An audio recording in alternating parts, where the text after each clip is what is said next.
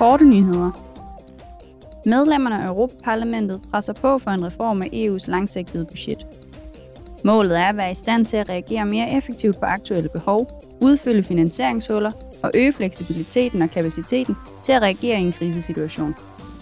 I går vedtog budgetudvalget en beslutning om at opskalere den flereårige finansielle ramme på 2021 til 2027. Ifølge udvalgsmedlemmerne er det nuværende langsigtede budget ikke i stand til at reagere effektivt på en lang række af kriser. Derfor mener de, at kommissionen bør revidere den flereårige finansielle ramme. På mandag begynder en ny plenarforsamling i Strasbourg. Parlamentsmedlemmerne skal drøfte og stemme om at beskytte vigtig infrastruktur.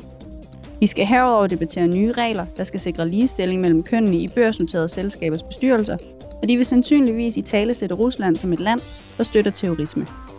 På dagsordenen er der også emner som eksempelvis forholdet mellem EU og Kina, samt udvidelsen af EU. Parlamentet fejrer 70 års jubilæum. For 70 år siden fandt den første fælles samling for det europæiske kul- og stålfællesskab sted i Strasbourg, hvilket markerede begyndelsen for det Europaparlament, vi kender i dag. I løbet af flere årtier er seks europæiske lande vokset til en union af 27 medlemslande, der sammen fremmer demokrati, grundlæggende rettigheder, økonomisk stabilitet og vækst. På tirsdag markerer parlamentet de seneste 70 års historiske og lovgivningsmæssige bedrifter ved en særlig ceremoni.